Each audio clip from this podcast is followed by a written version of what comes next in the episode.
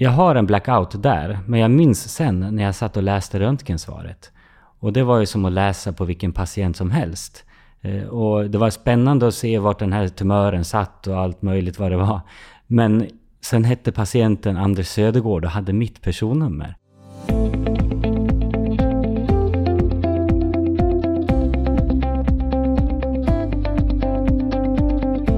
Du lyssnar nu på Lundcancerpodden.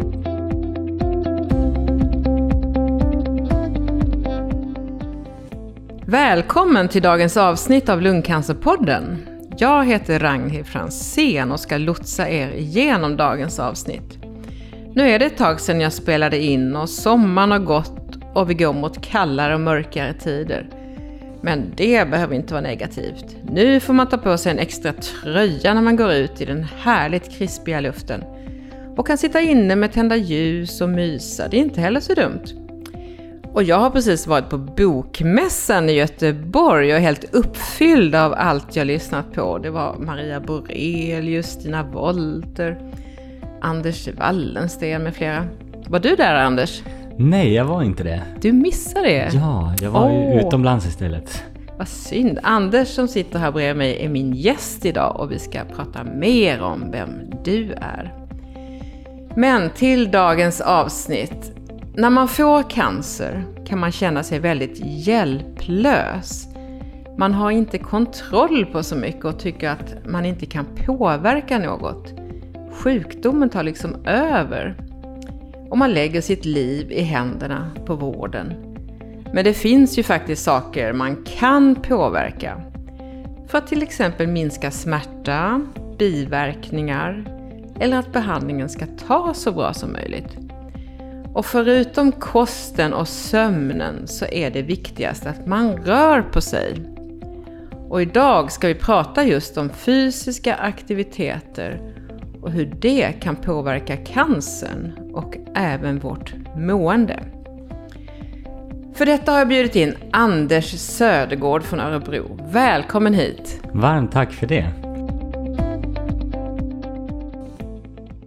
Du är ju både läkare och själv cancerpatient. Vilken perfekt kombo i detta sammanhang. Och du ska försöka hjälpa mig att reda ut begreppen om motion och cancer. Och vi sitter här live på Hotell C mitt i stan i Stockholm. Du har kommit med tåg från Örebro och jag har precis haft styrelsemöte här med Lungcancerföreningen. Men Anders, för 16 år sedan, när du bara var 25 år och dessutom läkarstudent, fick du själv cancer.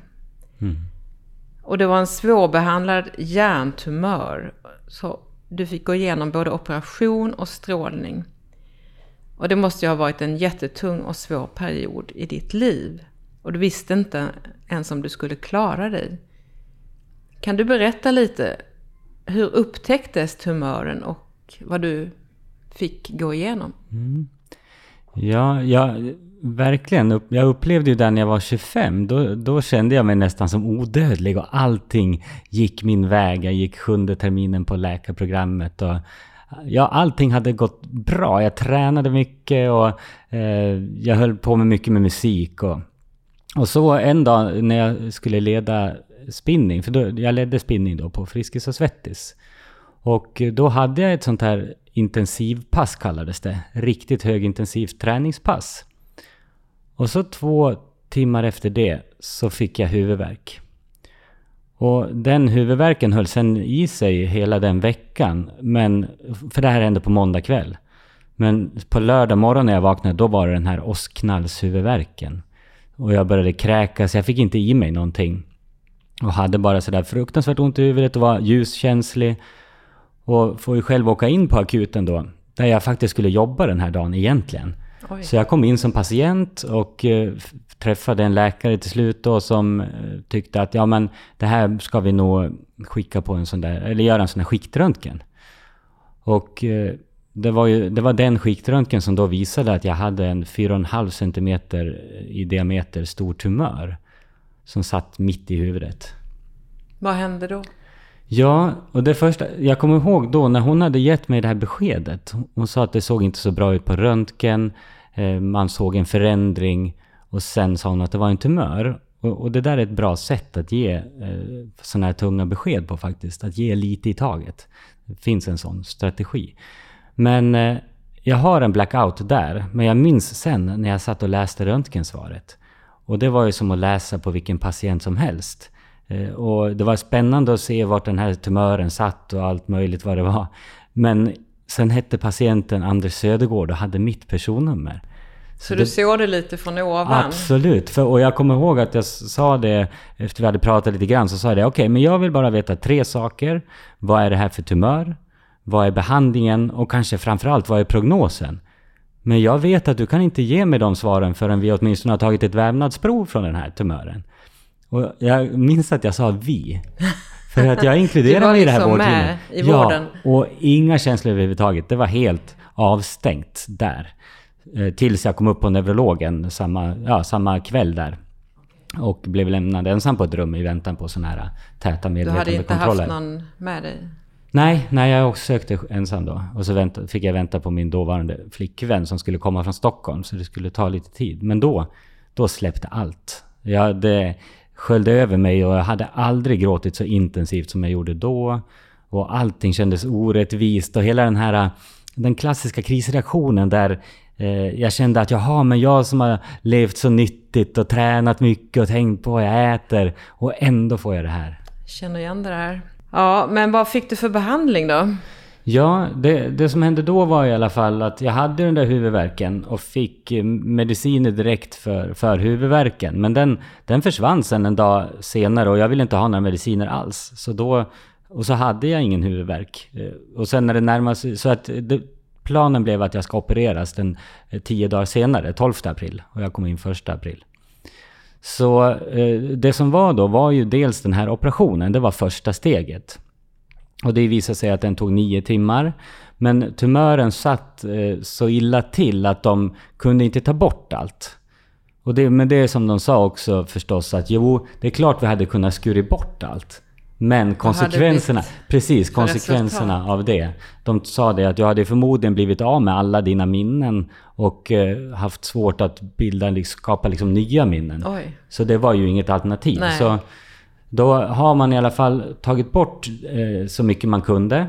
Och då såg man när man, man kollar i, ja, från sånt här patologens svar på det där. Så visade det sig, jag gillar att sticka ut och då var det naturligtvis en väldigt ovanlig form av hjärntumör. Och dessutom har jag fått veta att det var en ovanlig variant av den ovanliga varianten. Oj. Som, du hade som, valt ja, ja, men uppenbarligen. Ja. Nej, men, och det ovanliga med den är att den är mer aggressiv än, än den, liksom den här brukar vara. Vad hände sen då? Ja, eh, efter den här operationen så vaknade jag upp och halvsidesförlamad och har problem med talet. Och det, det var en risk att det skulle bli så för resten av livet. Oj. Men redan där under den vårdtiden när jag låg inlagd, eh, vilket visade sig bli två månader i sträck, men eh, ganska fort så kom jag tillbaka med styrkan i högersidan och talet. Sen tog det väl egentligen flera månader innan det var helt återställt. Men eh, det var nog mest jag som märkte det där. Var du rädd? Ja, fast... Ja, eh, både ja och nej. För att det, det, var ju förstås väldigt obehagligt att inte kunna säga det jag tänkte på. Jag, när jag sa det jag tänkte på, då hörde jag min röst säga någonting annat. Oj, Så det, ja, det var väldigt märkligt. Men jag var helt övertygad om att det där skulle, alltså talet skulle komma tillbaka precis som det hade varit. Styrkan skulle också komma tillbaka. Du hade den tron? Mm. mm. Och jag vet inte riktigt var den kom ifrån men... men... Var det ditt läkarperspektiv? ja, du. Jag vet faktiskt inte. Men jag är glad att jag hade de medicinska kunskaper jag ändå hade. Eh, för att jag, jag, tycker att det har varit lättare att, att tackla eh, mycket av det här. Mm. Men Sen det, har du ja. fått strålat. Ja, precis. För att då... Eh, det som hände var en, en lång historia kort. Så eh, tio dagar efter jag hade opererats, eh, där någonstans skulle jag ha egentligen kommit igång. Och, och jag kommer ihåg dagen innan det här... Alltså den nionde dagen då hade jag fått... Jag hade kunnat duscha själv. Och det är ju att sitta ner och duscha kroppen. Inte, jag hade ju fortfarande bandage på huvudet. Och sen tänkte jag imorgon då ska jag gå utan gåbord. Och så vaknade jag upp med så här fruktansvärda smärtor i flanken. Så att det var, jag var säker på att det här är njursten. Men det visade sig att min njure var helt avstängd och jag fick en blodförgiftning. Och det visade sig också att, ja senare då, att min eh, högra njure, högra var det ja, var missbildad från födseln. Och det hade jag inte haft några, inte en aning om. Utan det kom nu då när jag hade varit stillaliggande, tror jag, en del i det där i alla fall. Så då kom inte jag igång ordentligt och tio dagar efter det här så svimmar jag en morgon nästan när jag ska upp på morgonen. Och jag hinner larma, de tar in mig på akutrummet, kollar ett EKG eh, och hittar en förändring som jag inte haft förut. Ja, och då fick jag träffa en hjärtläkare som undersökte mig och hon lyssnade på hjärtat och sa det, vet du om att du har ett blåsljud? Och det, var jag ju, det visste jag om att jag inte hade. För vi hade lyssnat på våra hjärtan under hela utbildningens gång egentligen. Så det hände jättemycket grejer där, men det visade sig att jag hade massiva lungembolier, sådana här blodproppar som har bildats i lungornas kärl, blodkärl.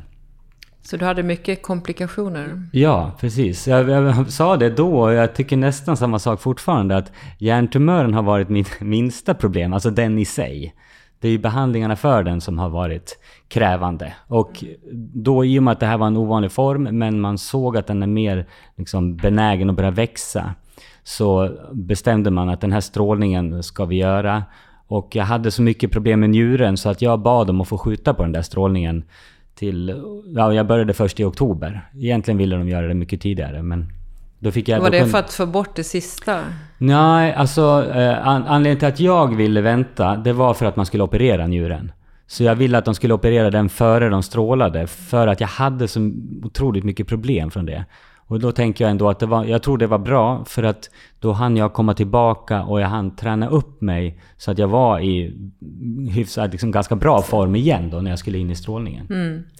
Ja, det är ju träning vi ska koncentrera oss mm. på idag egentligen. Men hur ser det ut idag? Du sitter ju här som synes fullt frisk 16 år senare. Mm. Är du friskförklarad? Nej, och eh, det kommer jag ju inte kunna bli så länge det finns tumör kvar där. Så att jag går på regelbundna kontroller. Men, eh, och det som har tillstött är ju att eh, nu, nu har man sett den här strålningen. Det är ju alltså 16 år efter den här strålningen nu. Och man har värre biverkningar 16 år efter en strålning Oj. än vad man har 16 månader efter. Och vad är det för biverkningar? Ja, och det, man strålar ju sönder alla vävnader som, kommer, liksom, som den här strålningen går igenom. Och det blir ju allting i huvudet då. Och även huden på andra sidan, där den går ut. Så jag har, mina blodkärl ser inte så friska ut uppe i huvudet. Så att jag, och nu, jag har ju haft, just sen Ja, egentligen sedan 2000 så har jag haft flera strokes. Men det är bara en som har gett symptom. Oj, vad märkligt. Men de ser det på Ja, röntgen. precis. Man kan se att infarkten är där. Då, det finns ju tecken då till... Man kan se om det är en färsk eller en gammal infarkt. Då. Och sen... jag hade fått en till nu eh, i talamus. Eh, och eh, det var trots de här skyddande medicinerna För att äta blodförtunnande? Ja, precis. Mm. En blodproppförebyggande. Och, mm. och det här är också, man behandlar det här som en vanlig stroke, men, alltså hur, hur strokevården skulle vara. Men man vet ju inte riktigt. När det kommer till den här strålinducerade vaskulopatin, som den så fint Oj. kallas.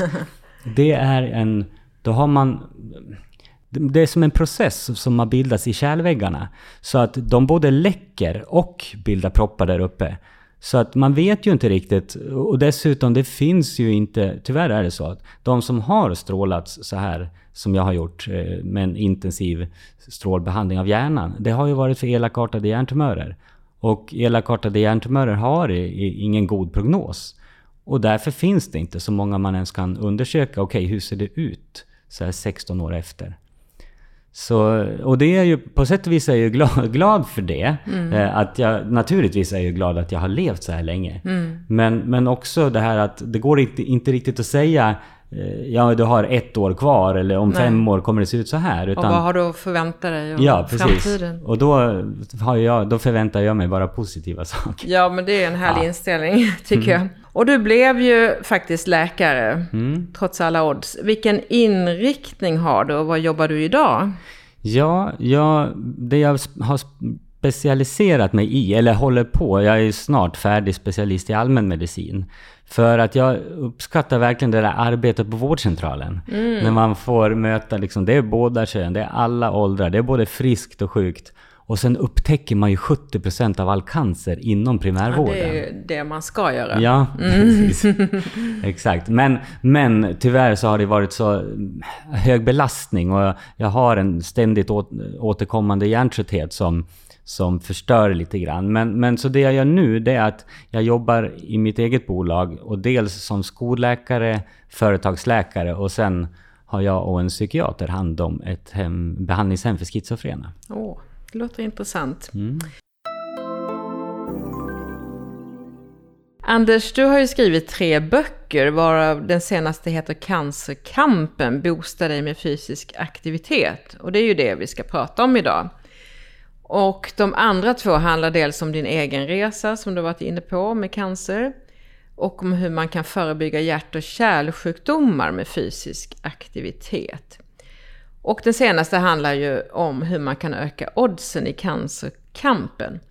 Och det låter ju så himla bra att man kan genom träning kan man få medicinen eller cytostatikan att funka bättre.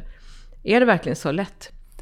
Ja, men det var precis det där som gjorde att jag eh, skrev den boken. Att, att jag blev så fascinerad över den där forskningen som fanns. Och att det faktiskt kunde Eh, ja, men förbättra oddsen på det här sättet. Och, och ja, vi kommer att prata mer om det, men framförallt vad som händer i kroppen.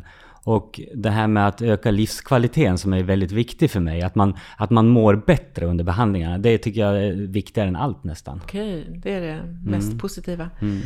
Ja, vi kommer komma in på det. Men eh, du håller ju också föredrag om hur man kan träna bort smärta och om bemötande i vården. Det tycker jag är mm. jätteviktigt.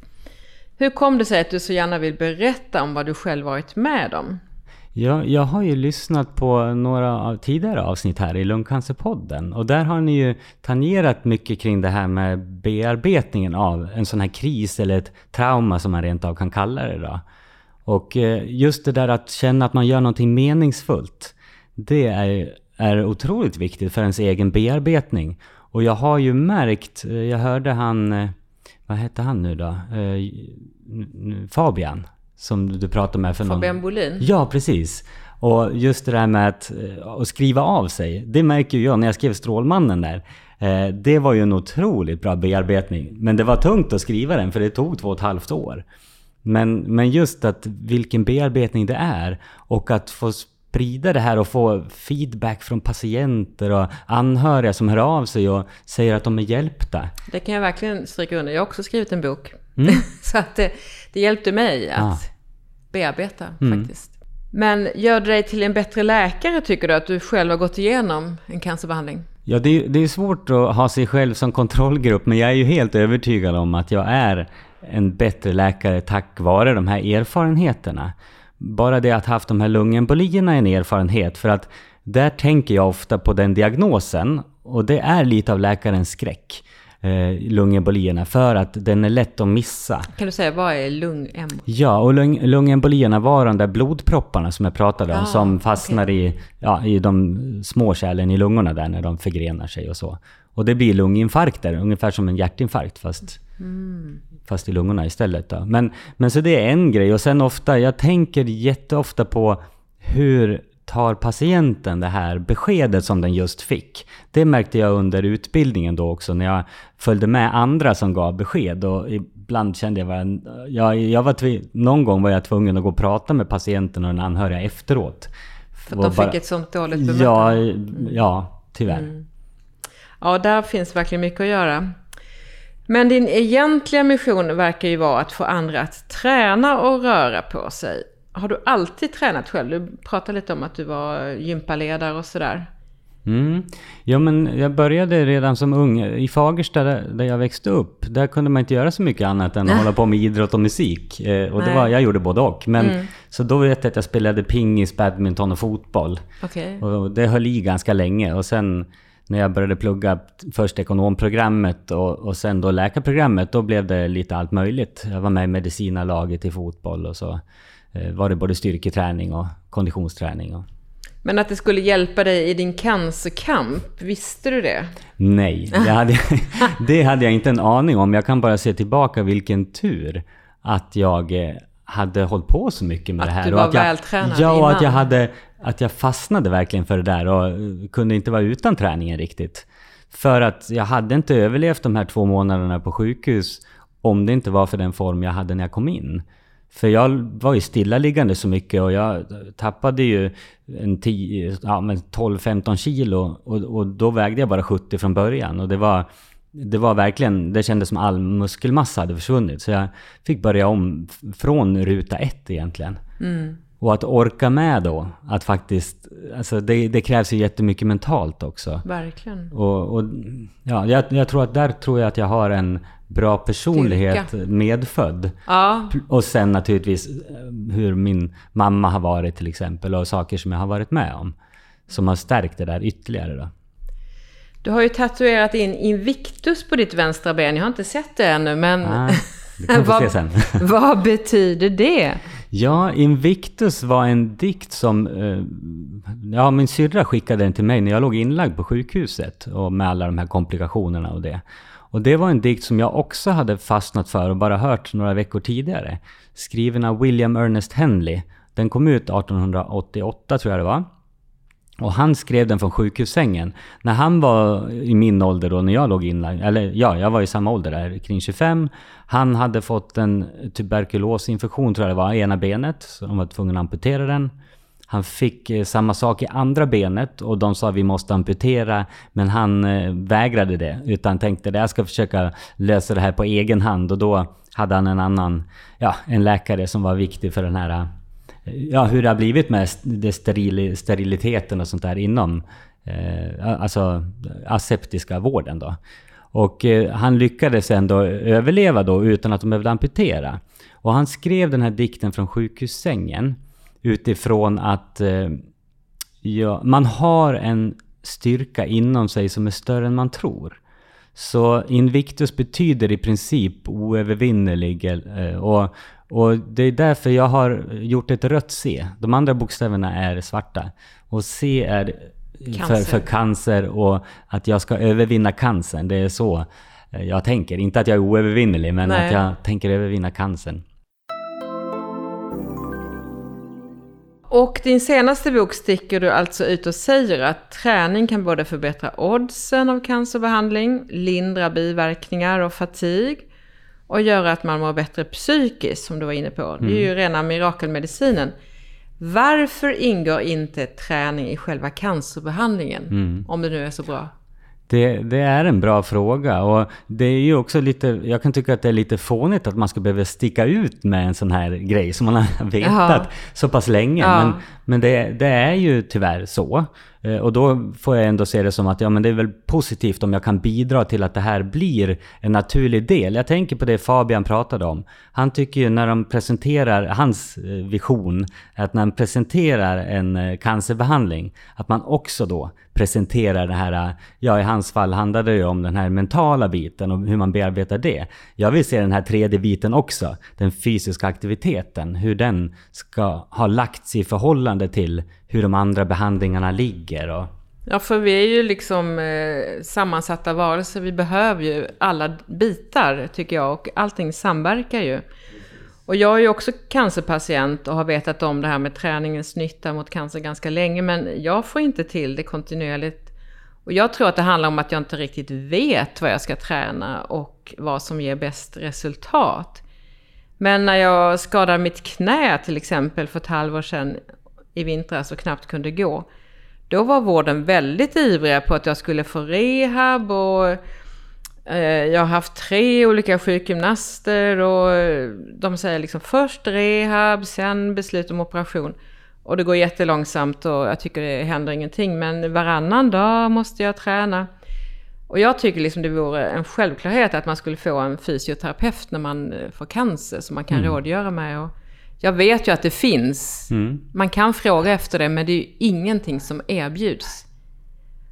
Ehm, Nej, det finns väl de här gröna öarna, de här onkologklinikerna där det Ja. faktiskt funkar ganska bra. Eh, där man får en kontakt. Men, men mycket är ju tyvärr så att man måste ta tag i det själv.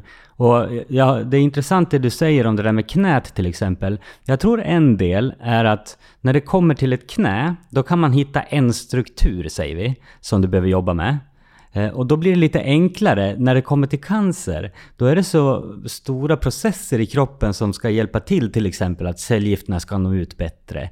Att det är mer, mer generellt och diffust på ett sätt än det här specifika. Ja. Men, men råden är ju inte diffusa för de är ju lika för alla egentligen.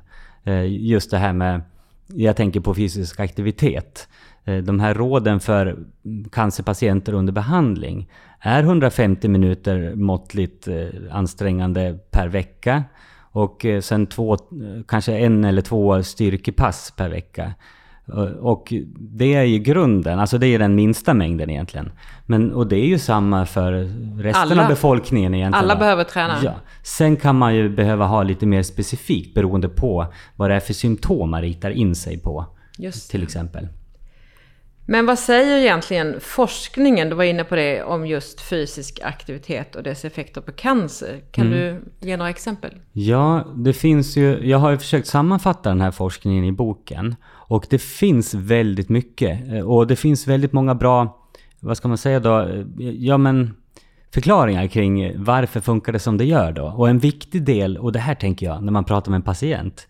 Om man, om man säger så här, det är bra att du rör på dig. Ja men det vet patienter i regel. Men om man säger det, du vet när du tränar, då bildas det nya blodkärl som kommer in här mellan musklerna så du får bättre syre ut, ut till musklerna. Och eh, du får lättare kan du forsla bort såna här slaggprodukter. Men det som också händer är att det normaliserar, för en, en tumör har ju eh, mång, alltså många blodkärl. Den vill ju ha blodkärl så att den ska få mycket näring och så och kunna växa. Men de blodkärlen ser inte alls likadana ut. De är slingriga och eh, läcker lite här och var och de, de funkar inte lika bra. Men träningen gör att de blodkärlen blir mer normala. Alltså Och- cancerblodkärl? Precis. Och det gör att en tumör, den får mer syre. Och den gillar inte det. Alltså den gillar syrefattiga miljöer. Där, där liksom växer de som bäst. Och så då har man redan både där förstört, om man ska säga då, mikromiljön för tumören. Men också så gör ju det här att cellgifterna når ut bättre till avlägsna delar i tumören. Och så det finns ju så mycket där och kan man förklara det här för en patient, vet du, du kan förbättra liksom resultatet ja, av man din ser ju egen och liksom så. Mm. det framför sig riktigt hur det fungerar. Men eh, kan du säga något om forskningen? Ja, alltså forskningen, den, det, det var rätt intressant för att det började i... ja, Redan på 60-talet såg man i musstudier att mössen som hade, alltså cancersjuka möss som fick ett löphjul så där att springa i, de klarade sig bättre eh, Eh, än mössen som inte hade löphjulet. Eh, eller som hade löphjul fast som hade låsta, den, den snurrade liksom inte. Men, och då var det två sköt, onkologsköterskor i USA, tror jag det var, som eh, i slutet av 80-talet gjorde en studie. Och det var på tränande cancerpatienter och de fick köra ganska hög intensiv träning också. Och det var lite ramaskri då. För att det var precis som hjärtinfarktvården var en gång i tiden, att man skulle ta det lugnt om man hade fått en hjärtinfarkt. Det skulle lä- läka infarkten, men det gjorde det ju inte. Men, men lika, här då i alla fall, så de genomförde den här studien och fick väldigt goda resultat. Så un, det, sen var det ju under 90-talet då, så gjordes det lite fler studier. Men det, det var ju först på 2000-talet som det verkligen exploderade, tycker jag. Om man, om man kollar ut efter vad som har gjorts. Och det är ju framförallt sådana här, äh, ja men randomiserade kontrollerade studier, det är det man vill ha. Eh, för de har högst, eh, högst evidensgrad kan vi kalla dem. Kan man förhindra trötthet och fatig genom träning? Jag blir liksom jättetrött när jag tränar och, eh, om jag tränar på förmiddagen så känner jag mig sänkt hela dagen. Vad kan du säga Mm. om det och hur kan jag bli piggare? Eh, Just i ditt fall, det kan vi prata om lite efteråt där, för att om man kollar för TIG så är det ju alla intryck för hjärnan. Så om du till exempel tränar med musik i öronen, då kan det bli jobbigt för, för hjärnan. Så att då kan det vara att testa att inte ha musiken, eller om det är mycket alltså, runt omkring så det är en stökig miljö akustiskt stökig. Då kan det också vara värt att testa någonting annat, att göra det i skogen istället. Ja, nu vet jag ju inte vad... Jag brukar lyssna på poddar. Ja, ja, ja men jag tycker det kan också vara skönt. Men, men eh, det man vet är i alla fall att fatig eh, svarar ändå väldigt bra på det här med träning. Att man får färre skov, eh, lindrigare skov och, och att de inte håller i lika länge. Och, och då är det, det mest effektiva har man sett är ändå en kombination av konditionsträning och styrketräning. Men jag har ju min ständigt återkommande hjärntrötthet eller fatig. Och då när jag vaknar på morgonen, då, då är det svårt bara att komma ut, upp ur sängen. Och där har ju jag fått lära mig att jag, det blir inte bättre av att jag ligger kvar. Och det är ju också definitionen av fatig. Det är ju en djup trötthet, alltså en djup energilöshet som inte botas av vila. Men det är ju svårt att inte vila Men det är liksom mental kvar. träning man måste Ab- ägna sig åt. Ja, det är jättemycket Att mentalt. Och, och där är det ju tacksamt nog när man väl kommer liksom lyckas vända den där, om vi säger att man har hamnat i en negativ spiral. Det är ju tyngre att liksom trycka upp kulan igen så att den ska gå uppåt i en annan, liksom en mer positiv spiral.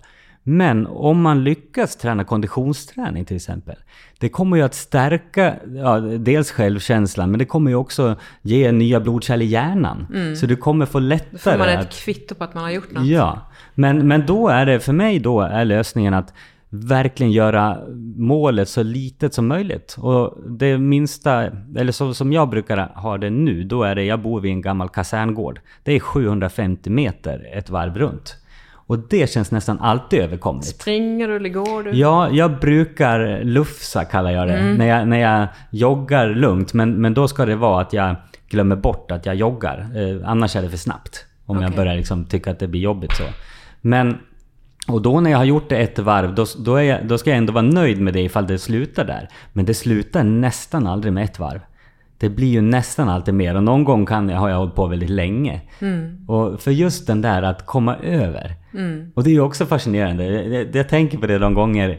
För det här är ju oavsett om jag har fatig eller inte.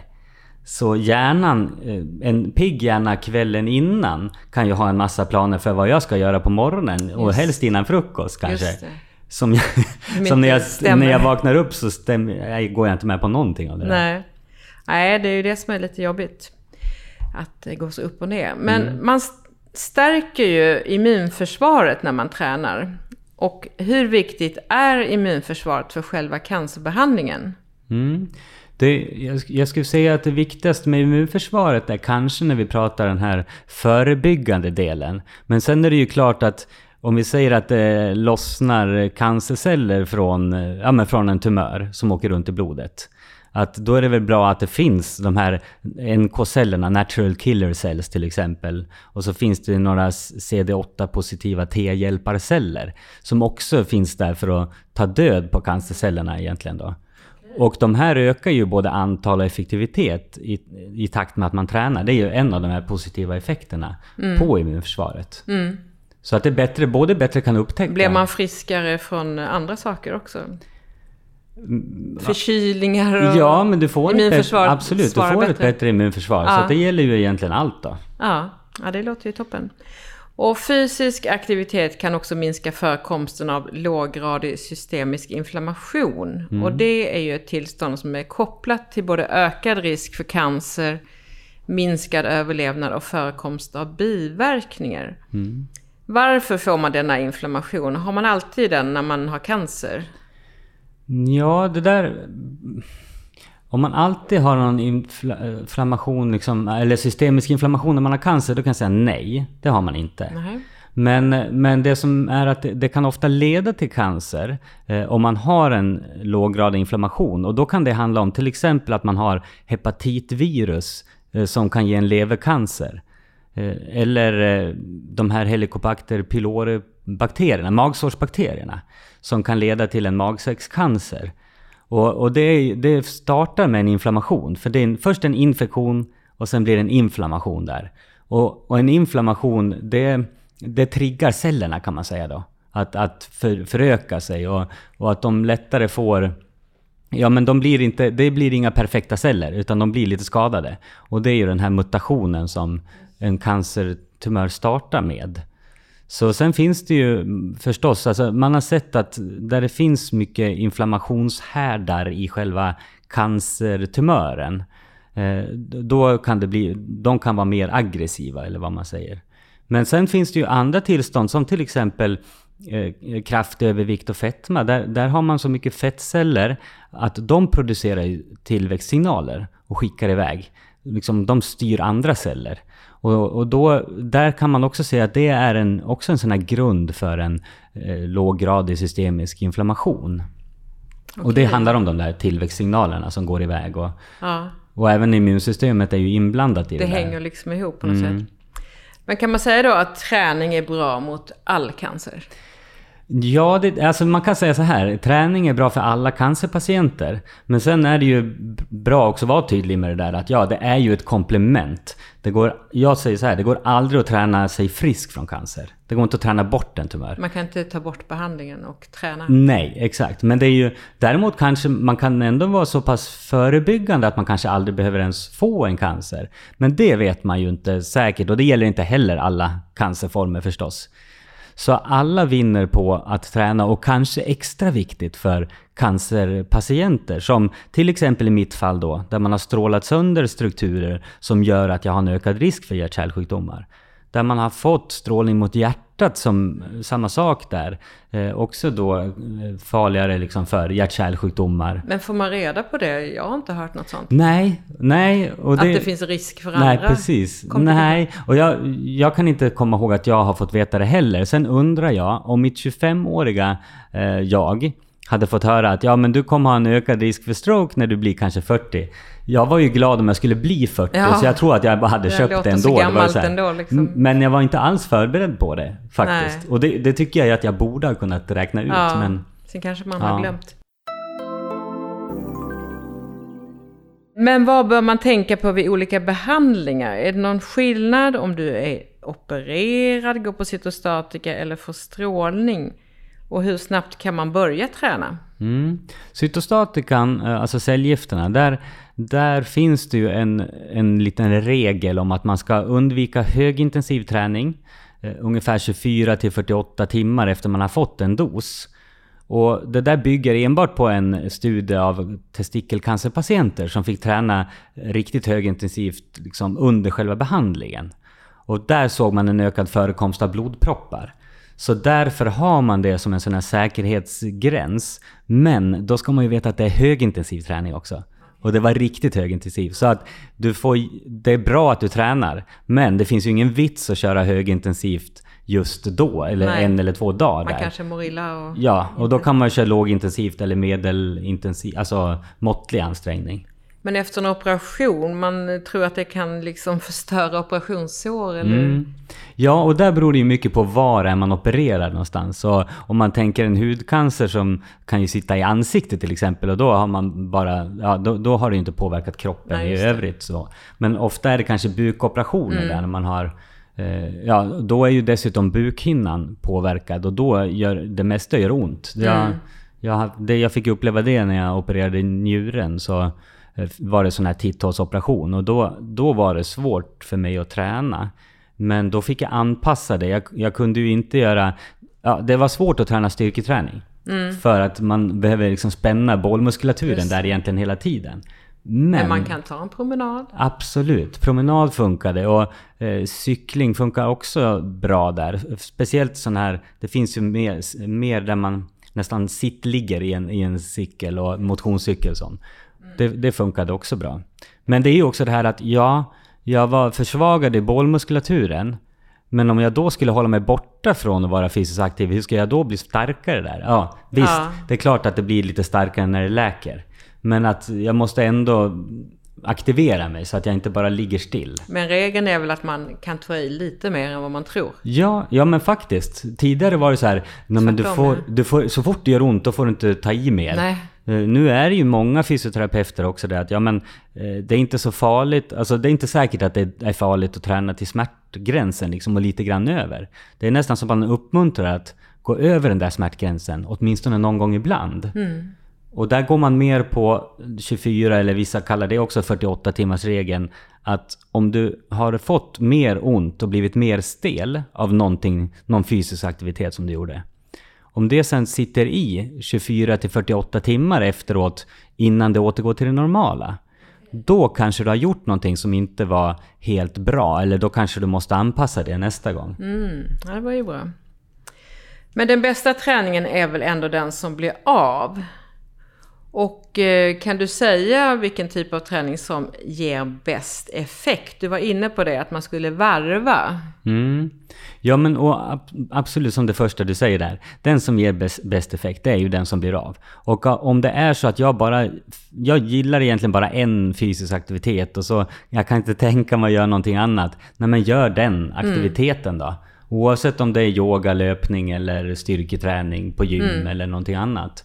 Men absolut, det gäller allting egentligen. Vi tjänar på att vara starka, snabba och smidiga. Vi behöver träna både vår uthållighet, vår kondition och vår styrka, stabilitet, balans och rörlighet. Men just det här med muskelstärkande träning ska ju vara så viktigt när man har cancer. Varför just det?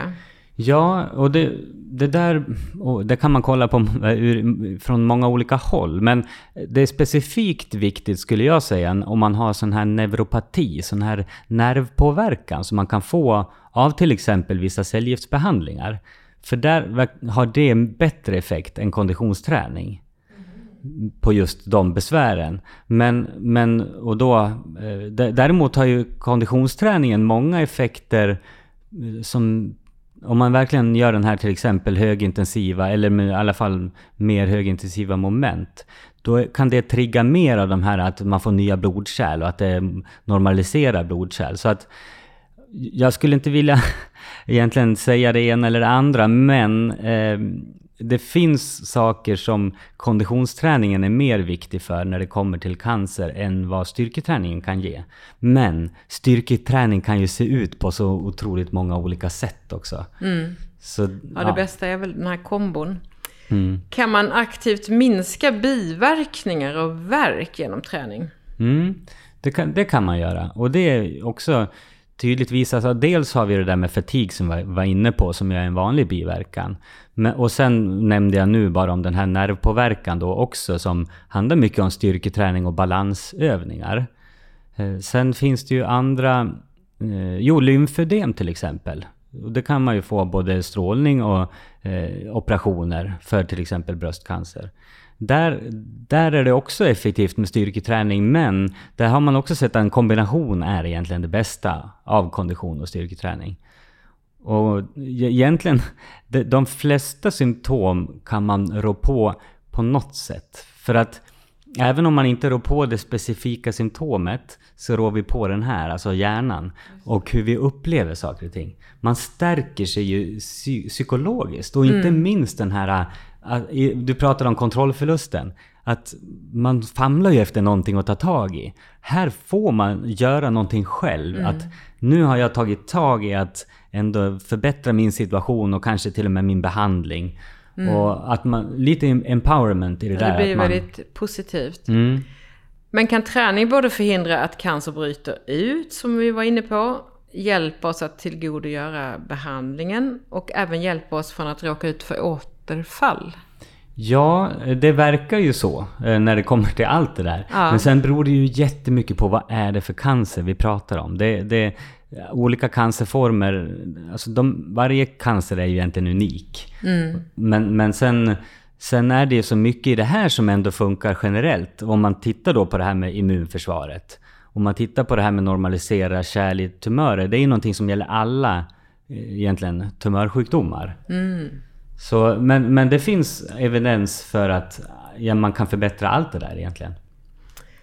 Eh, vad är det egentligen med träning som gör oss glada och kreativa? Du var inne på det att psyket påverkas. Så jag till exempel brukar få jättebra idéer när jag går på Friskis. kommer jag alltid på vad jag ska göra sen och sådär. Vad, vad är det som händer? Ja, men och det är precis samma för mig. Jag tänkte Ja. det när jag är ute och springer så här. eh, Då, och, och då pratar jag att jag, jag sa det till dig innan här att när jag, när jag glömmer bort att jag springer, då springer jag på en lagom nivå. För att jag vill inte ha den här eh, blodsmak i munnen-delen. Eller ja, det vill jag också ibland, men väldigt sällan. Eh, Men, men att då får jag också så mycket idéer och jag måste också stanna, ofta stanna och skriva upp här. Ja, det var någon bra bokidé eller bara någon mening som kom fram som jag tyckte var, var bra. Men så dels är det det här ökade blodflödet.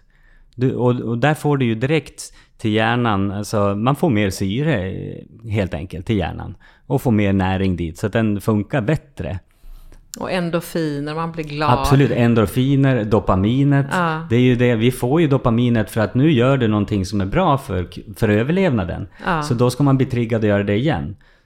Men sen är det ju lite lättare, det som är problemet är ju vår medvetenhet. Att den är, det är både bra och dåligt med vår medvetenhet. Just den här att du vet att när du är ute och springer, du kan sluta när som helst. Du kommer inte dö, du kommer inte bli uppäten av någon för det är sällan du rymmer, liksom flyr från någonting. Och du kommer få mat, du kan bara jogga till kylen så har du någonting där. Eh, att övervinna den där, eh, de där krafterna, för att det är svårt att besegra sin egen hjärna. Det är det. Och det är ju mycket lättare att... Det, det krävs ju ändå en ansträngning att träna. Men kom, det är just att komma över den där. För det är ju oftast faktiskt den här tröskeln bara, att kommer man väl över den. Men jag har den där tröskeln varje gång. Men om man ändå tänker efter, jag blir ju... Resultatet Ah, fast- efter ja, gör mig precis. glad. Men för mig räcker inte det. Nej, Det, okej. det hjälper... Det är alltså- stunden som... Ja, det är verkligen... Men om motivationen då inte är så hög att börja träna, man kanske har ont, känner sig orkeslös. Mm. Har du något tips vad man kan göra då? Där beror det helt på vart man startar någonstans. Är det så att jag pratade nyligen med en patient som inte hade, sa så här att men jag rör ingenting på mig och jag skulle vilja komma igång med promenader men jag har inte lyckats med det heller och sådär. Då, då är det ju där man får börja. Att dels kunde hon tänka sig att börja med promenader. För det var någonting hon ändå kände, ja men det här kan jag ju klara av. Men det var ju också en, någonting man var tvungen att sätta mål för. Men att hitta den aktiviteten som man Som kan man tänka sig. om. Ja. Ja. Och sen beror det lite på, jag menar, om jag skulle vara under en... Det beror på, man kan ju ha en cellgiftsbehandling som håller på länge eller någon som är mer avgränsad till några månader. Att är det någon gång du ska ta i, då är det under cellgiftsbehandlingen. Så för, om det är någon gång du ska vara mer fysiskt aktiv än vanligt så var det under den behandlingen. Och då, för den är också självbegränsande mycket, i, mångt och mycket i alla fall. Att man, man orkar ju inte eh, ta i kanske så hårt. Men där också viktigt att ha någon eh, att träna med. Man får skaffa en PT. Ja men, ja, men allra helst en fysioterapeut på, som det ska ju finnas knutna till onkologavdelningarna. Ja. Och annars finns det ju inom primärvården också. Och så finns det väl privata aktörer också förstås. Men det ska finnas på varje sjukhus. Ja, det ska det. Ja, då får man fråga efter det. Mm.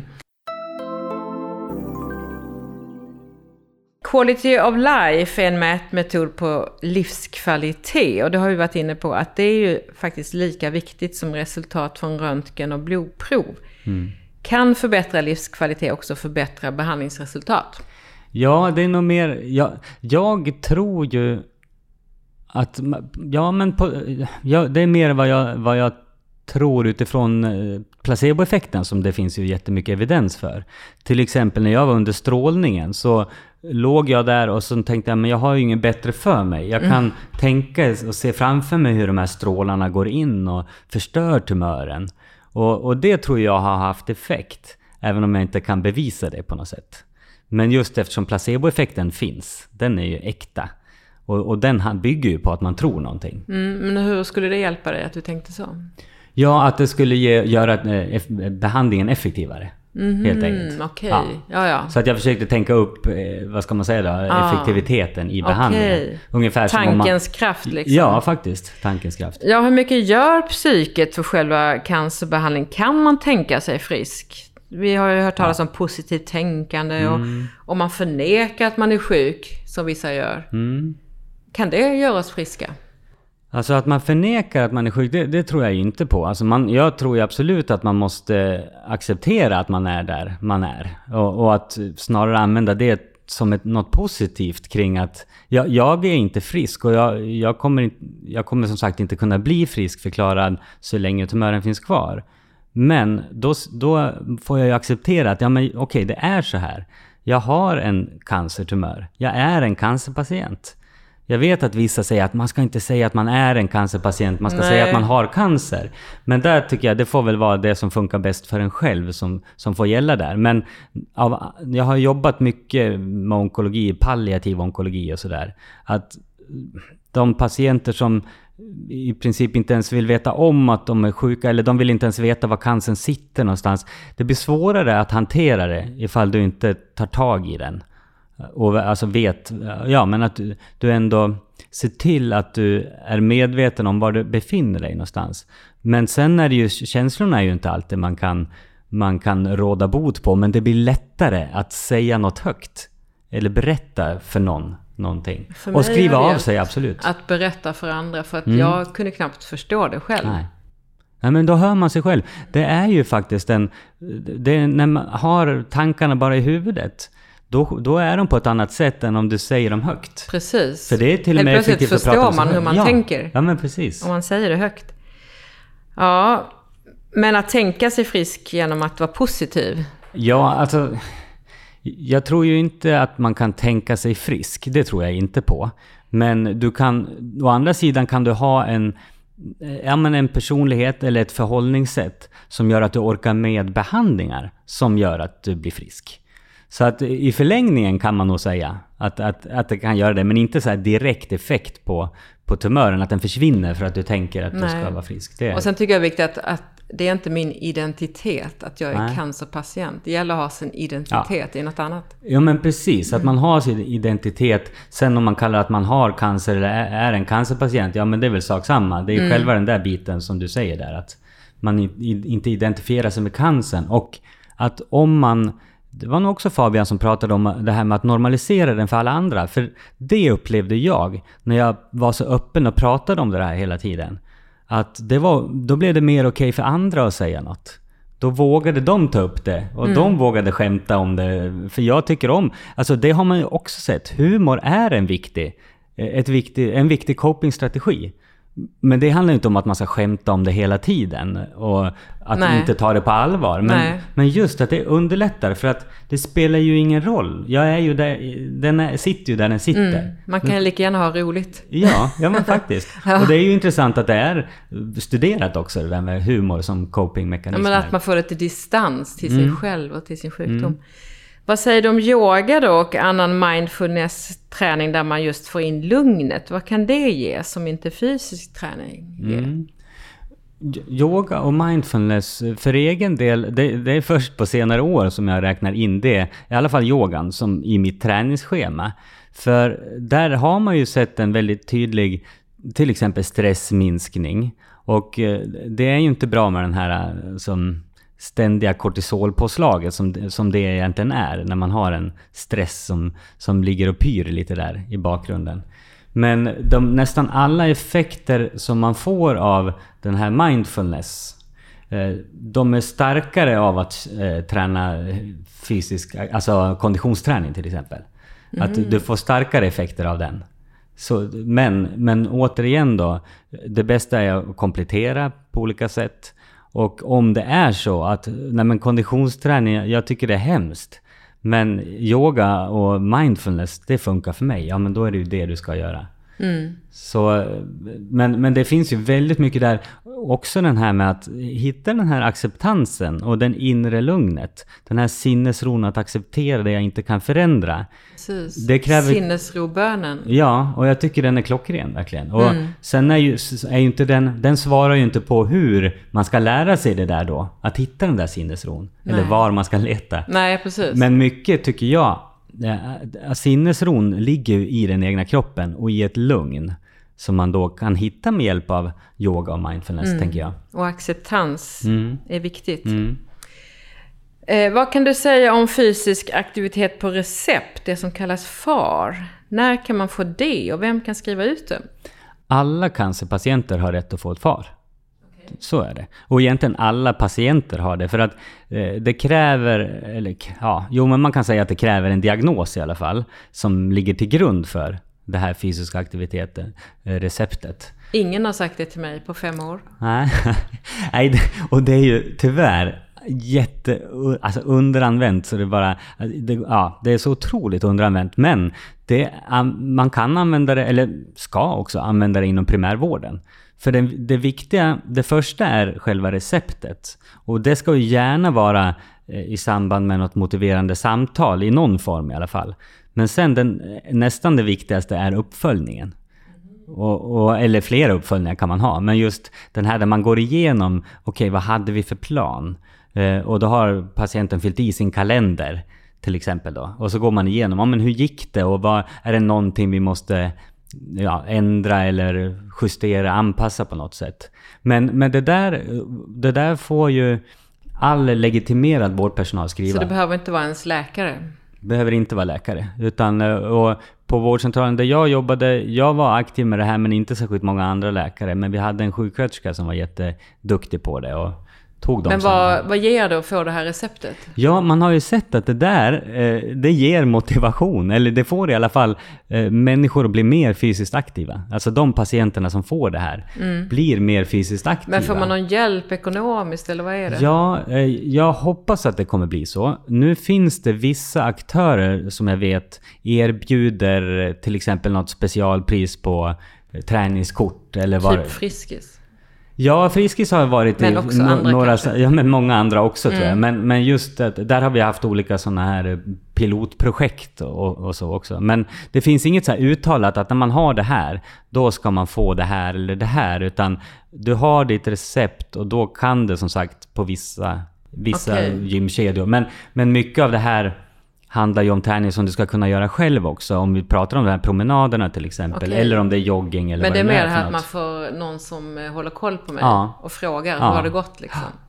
Det är Och det, som är grejen. Ja, och det är ju, men det är samma sak där. Tränarledd träning har visat sig vara det mest e- effektiva. Okej. Så man vinner jättemycket på att ha någon, alltså om det så är en PT eller om det är en eh, fysioterapeut, alltså någon Mm. som kan guida en. Och egentligen räcker det med en träningspartner också, någon man känner. Just det. Till sist, hur mycket tränar du själv? Ja, om jag kollar, när jag var 25, då, eh, då tränade jag väl ungefär som nu då, i princip varje dag. För att när jag vaknar på morgonen, då tänker jag, undrar vad jag ska göra för fysisk aktivitet idag. Så den såg jag till att fixa innan jag kom hit faktiskt. Eh, Okej. Så jag vet att det blir, för jag vet ju med mig själv där också att jag kommer bli tröttare av att resa.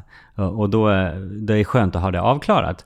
Men eh, om jag kollar då från 25, då, kanske jag, då tror jag att jag tränade Säg 80% högintensivt, eh, kanske 10-20%, eller ja, resterande tid var nog medelintensivt, inget lågintensivt. Det var liksom bara high high det mesta. Och nu är det ju omvänt. Nu Ja, är det, okej. nu är det ja men 80-90% är ju låg medelintensivt skulle jag säga. Men jag gillar det här högintensiva och jag vill fortfarande ha de vill inte släppa delarna. det? Nej. Nej. Men, och det tror jag också är bra för att det jag vet ju vilka effekter det ger. Mm. Men risken är ju att det ger ett hjärntrötthetsskov. Men, men då Mm. har jag märkt att det ska det vara riktigt eh, intensivt och pågå under en längre period för att det ska bli så. så men jag, jag börjar ju lära mig vid det här laget vad som, brukar, fungerar. ja, vad som brukar trigga det. Men sen vet man ju, vissa gånger kommer det ju utan att man förstår varför. Ja. Okej, stort tack Anders för att du har tagit dig tid att komma hit till Lungcancerpodden och lycka till med dina kommande projekt. Kanske blir någon mer bok? ja det, det är jag säker på. Du är på G kanske. Och tack också till er som lyssnat och glöm inte att du kan gå in och kommentera dagens avsnitt på www.lungcancerpodden.se. Och där kan du också ge förslag på vad vi kan ta upp i kommande avsnitt. Och tack till Taylor som har spelat in och klippt även denna gång. Hej då Anders! Och alla som lyssnat, hej då! Hej då!